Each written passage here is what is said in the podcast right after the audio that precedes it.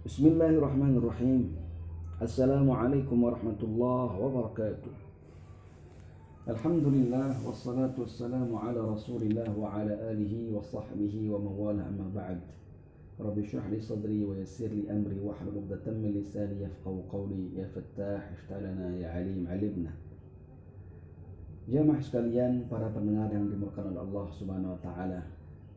Mari sejenak kita lupakan tentang pandemi COVID-19 atau yang dikenal dengan virus corona. Banyak yang tidak sadar dari umat Islam saat ini bahwasanya kita sekarang berada dalam bulan yang sangat mulia. Bulan yang penuh dengan keutamaan dan keagungan yaitu bulan Sya'ban. Bahkan saat ini kita sudah menginjak pada hari yang ke-8 8 bulan Sya'ban. Banyak sekali yang tidak tahu akan keutamaan bulan Sya'ban. Maka Rasulullah SAW sendiri bersabda ketika berbicara tentang bulan Sya'ban Rasulullah SAW bersabda Zalika syahrun yaghfurun nasu anhu Bulan Syaban itu adalah bulan yang mana banyak orang lalai dengan bulan Syaban ini. Kenapa? Baina Rajab wa Ramadan. Karena bulan Syaban ini diapit oleh dua bulan yang mulia yaitu Rajab dan bulan Ramadan. Jadi seakan-akan keutamaan kemuliaan bulan Rajab dan kemuliaan bulan Ramadan ini mengalahkan atau menutupi sinar kemuliaan bulan Syaban. Memang bulan Ramadan lebih mulia daripada bulan Sya'ban.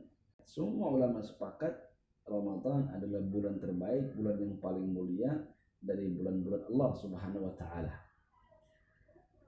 Kemudian Rasulullah SAW melanjutkan sabdanya dalam hadis ini. Hadis yang diriwayatkan oleh Abu Dawud An-Nasai dan disahihkan oleh Ibu Khuzaimah di eh, di pertengahan akhir daripada bulan Sya'ban puasa qada atau puasa karena nazar karena itu juga sifatnya wajib atau puasa karena kafarah. Wa huwa syahrun turfa'u fihi al-a'mal ila rabbil alamin. Bulan Sya'ban ini adalah bulan di mana amal-amal kita amal-amal hamba Allah Subhanahu wa taala dilaporkan kepada Allah Subhanahu wa taala. Turfa'u fihi al-a'mal ila rabbil alamin. Amal-amal diangkat dilaporkan kepada Allah Tuhan semesta alam. Kemudian Rasulullah SAW melanjutkan, "Fa'uhibbu ayyurfa amali wa ana sa'im." Dan aku suka, aku cinta ketika amalku dilaporkan kepada Allah Subhanahu wa taala, ketika itu aku dalam keadaan berpuasa. Masya Allah. Jadi Rasulullah SAW sendiri memuliakan bulan Syaban ini Salah satunya adalah dengan cara memperbanyak puasa di dalamnya. Bahkan dalam sebuah hadis sahih riwayat Imam Bukhari dan Imam Muslim. Rasulullah SAW menurut riwayat daripada ibunda kita Ummul Mukminin Aisyah radhiyallahu taala anha. Aisyah radhiyallahu taala anha berkata, "Ma ra'aitu Rasulullah sallallahu alaihi wasallam istakmala siyami syahrin qattu illa syahr Ramadan. Aku tidak pernah melihat Rasulullah SAW berpuasa sebulan penuh melainkan di bulan Ramadan. Wa mar'aituhu fi syahrin aktsara minhu siyaman fi Sya'ban. Dan aku tidak pernah menyaksikan melihat Rasulullah SAW berpuasa paling banyak kecuali di bulan Sya'ban. Artinya apa? Rasulullah SAW selain di bulan Ramadan, peringkat keduanya yang paling banyak beliau berpuasa adalah bulan Sya'ban. Bulan Sya'ban. Bahkan riwayat lain menegaskan bahwasanya Rasulullah SAW menyambung menyambung bulan Sya'ban ini puasanya disambung sampai bulan Ramadan kana ahabba syuhuri ilaihi ay yasumahu sya'ban thumma yasilu bi ramadan riwayat Abu Daud dan sanadnya sahih menurut Bunda Aisyah dan riwayat lain dikatakan bahwasanya bulan yang paling disukai oleh Rasulullah SAW adalah maksudnya bulan untuk untuk berpuasa yaitu bulan Sya'ban. Thumma yasiluhu bi Ramadan. Kemudian menyambungnya dengan bulan Ramadan. Jemaah sekalian dimulakan oleh Subhanahu wa taala. Mungkin setelah ini banyak jemaah yang uh, setelah mendengar keutamaan ini mungkin banyak jemaah yang ingin mendapatkan kemuliaan bulan Sya'ban ini dengan memperbanyak puasa, mengikuti sunnah Rasulullah SAW, bahkan akan menyambungnya. Tetapi jamaah sekalian ada satu rambu-rambu yang terkait dengan hukum fikih di sini. Tentang hukum tentang hukum fikih. Bolehkah kita mengikuti Rasulullah SAW berpuasa nyambung sampai dengan bulan Ramadan? Jawabannya akan kita jelaskan secara lebih mendetail. Para ulama ahli fikih menerangkan bahwasanya tidak semua orang bisa melakukan ini. Para ulama mengatakan berpuasa setelah pertengahan bulan Sya'ban itu hukumnya haram. Ini adalah pendapat yang mu'tamad dalam madhab syafi'i. Pendapat yang valid bahwasanya berpuasa setelah nisfu Sya'ban, setelah pertengahan bulan Sya'ban itu hukumnya haram. Ada pendapat lain mengatakan makruh. Mengapa?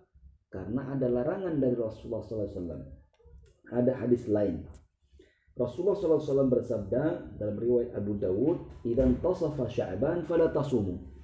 Kalau sudah Sya'ban sampai kepada pertengahan, fala tasumu, maka janganlah kalian berpuasa.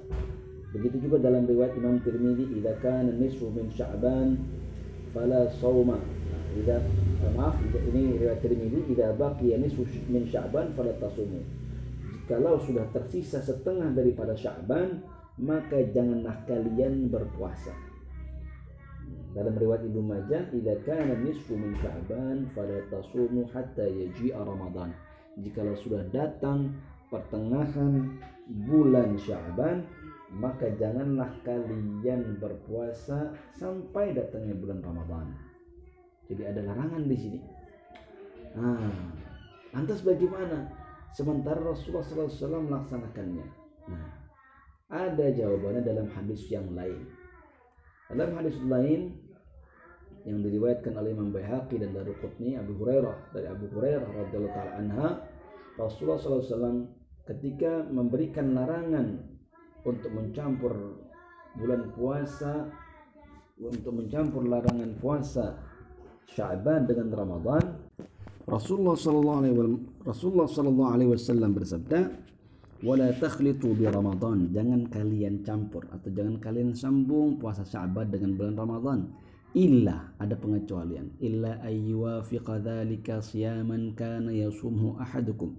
Kecuali puasa tersebut bertepatan dengan kebiasaan atau puasa yang biasa kalian lakukan sebelum-sebelumnya. Nah, maka para ulama menyimpulkan sifat keharaman atau hukum keharaman berpuasa setelah nisfu Sya'ban ini tidak untuk semua orang. Tetapi untuk orang-orang yang sebelumnya tidak pernah berpuasa. Katakanlah kalau ada di antara kita yang biasa puasa Senin Kamis, dan nanti setelah setengah Syaban dia puasa Senin dan Kamis nggak ada masalah itu masih termasuk dalam kategori sunnah bahkan ia mendapatkan keutamaan seperti halnya yang dilakukan Rasulullah SAW orang yang biasa puasa uh, Daud misalkan sehari puasa sehari tidak puasa sehari puasa terus dia lakukan tidak masalah dia lanjutkan bahkan sampai nyambung kepada bulan Ramadan seperti yang dilakukan oleh Rasulullah SAW berpuasa sampai nyambung ke bulan Ramadan. Itu yang pertama. Yang kedua, kecuali puasa yang sifatnya wajib. Apa yang sifatnya wajib? Puasa qada. Dia punya hutang di bulan Ramadan yang lalu atau Ramadan sebelumnya belum dibayar.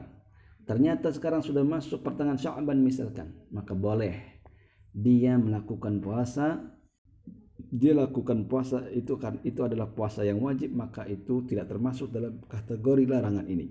Nah, ini penting kita ketahui karena ini adalah terkait hukum halal dan haram atau sah dan tidaknya kita melakukan puasa di pertengahan bulan Syaban. Apa hikmah daripada larangan ini? Sekalian jemaah sekalian dimulakan Allah Subhanahu wa taala, tentu ada hikmah daripada pelarangan ini.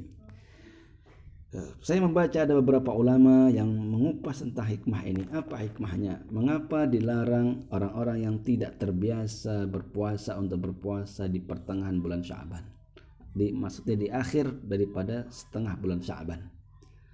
Hikmahnya adalah karena dikhawatirkan yang tidak biasa berpuasa mungkin tiba-tiba muncul ah sebelum Ramadan ini saya mau saya mau latihan dulu untuk e, berpuasa supaya nanti di Ramadan sudah agak terbiasa untuk berpuasa tidak terlalu lelah dan sebagainya. Nah, ini bisa dilakukan sebelum pertengahan bulan Sya'ban. Sebelum pertengahan bulan Sya'ban.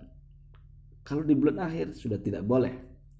Karena hikmahnya adalah dikhawatirkan justru karena dia tidak berbiasa malah akan menurunkan stamina dia e, mungkin bisa jadi dia sakit dan sebagainya dan pada akhirnya malah di bulan Ramadan eh, terabaikan puasanya karena dia sakit. Artinya apa? Lebih mengutamakan puasa yang wajib bulan Ramadan. Artinya dijaga stamina kesehatan fisik beberapa hari sebelum Ramadan ini. Agar ketika dia masuk bulan Ramadan dalam kondisi kesehatan badan yang fit. Nah, karena dia tidak terbiasa untuk puasa sebelum-sebelumnya. Adapun kalau sudah terbiasa maka silahkan.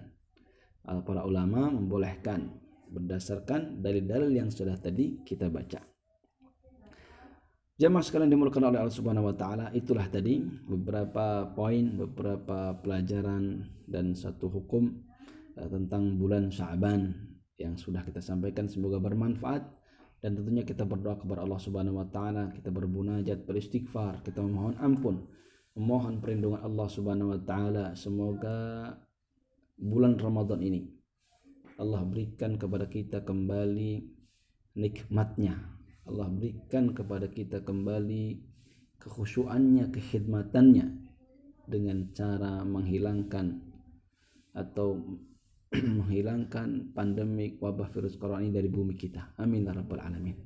Tentunya kita rindu untuk salat berjamaah, salat lima waktu di bulan Ramadan, salat tarawih, qiyamul lail, tadarus di masjid secara bersama-sama itu kita rindukan. Dan selama wabah corona ini mungkin sebagian tempat kita tidak bisa melakukan kebiasaan kita, kebiasaan-kebiasaan tersebut yang biasa kita lakukan selama di bulan Ramadan.